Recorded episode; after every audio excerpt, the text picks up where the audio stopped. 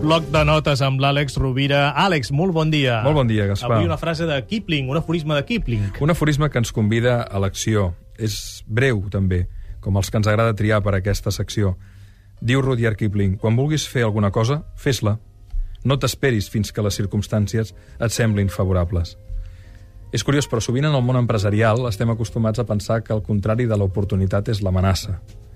Per això de que es fan les anàlisis dels punts forts, punts, deble, punts febles, oportunitats i amenaces de l'entorn.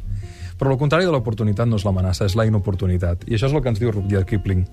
De vegades no fem les coses no perquè tinguem por, sinó perquè no som capaços de veure que potser és un moment oportú.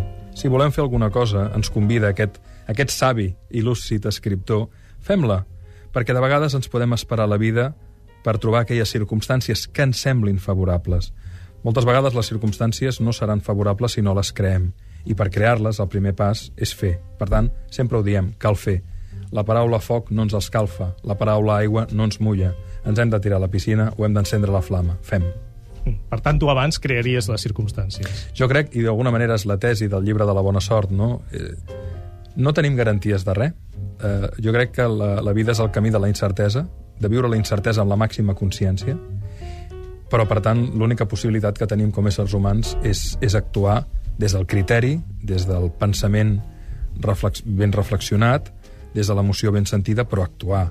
Perquè qualsevol intenció que no es tradueix en una acció no deixa de ser més que una entelèquia. Les utopies mm, són inabestibles, no hi arribarem mai, però precisament podem viure la realitat perquè ens hi atensem a l'utopia a través d'una acció concreta. Per tant, val molt més eh, una acció, per petita que sigui, que una gran intenció, sempre. Recordo que aquest aforisme ho podeu trobar en el llibre Paraules que curen, de l'Àlex Rovira, publicat per, per Plataforma, que ja van presentar en el seu dia aquí a l'Ofici de Viure. Doncs, Àlex, acabis de tenir una bona Setmana Santa. Moltes gràcies, festa, igualment per tots. diumenge. Una forta abraçada. Gràcies.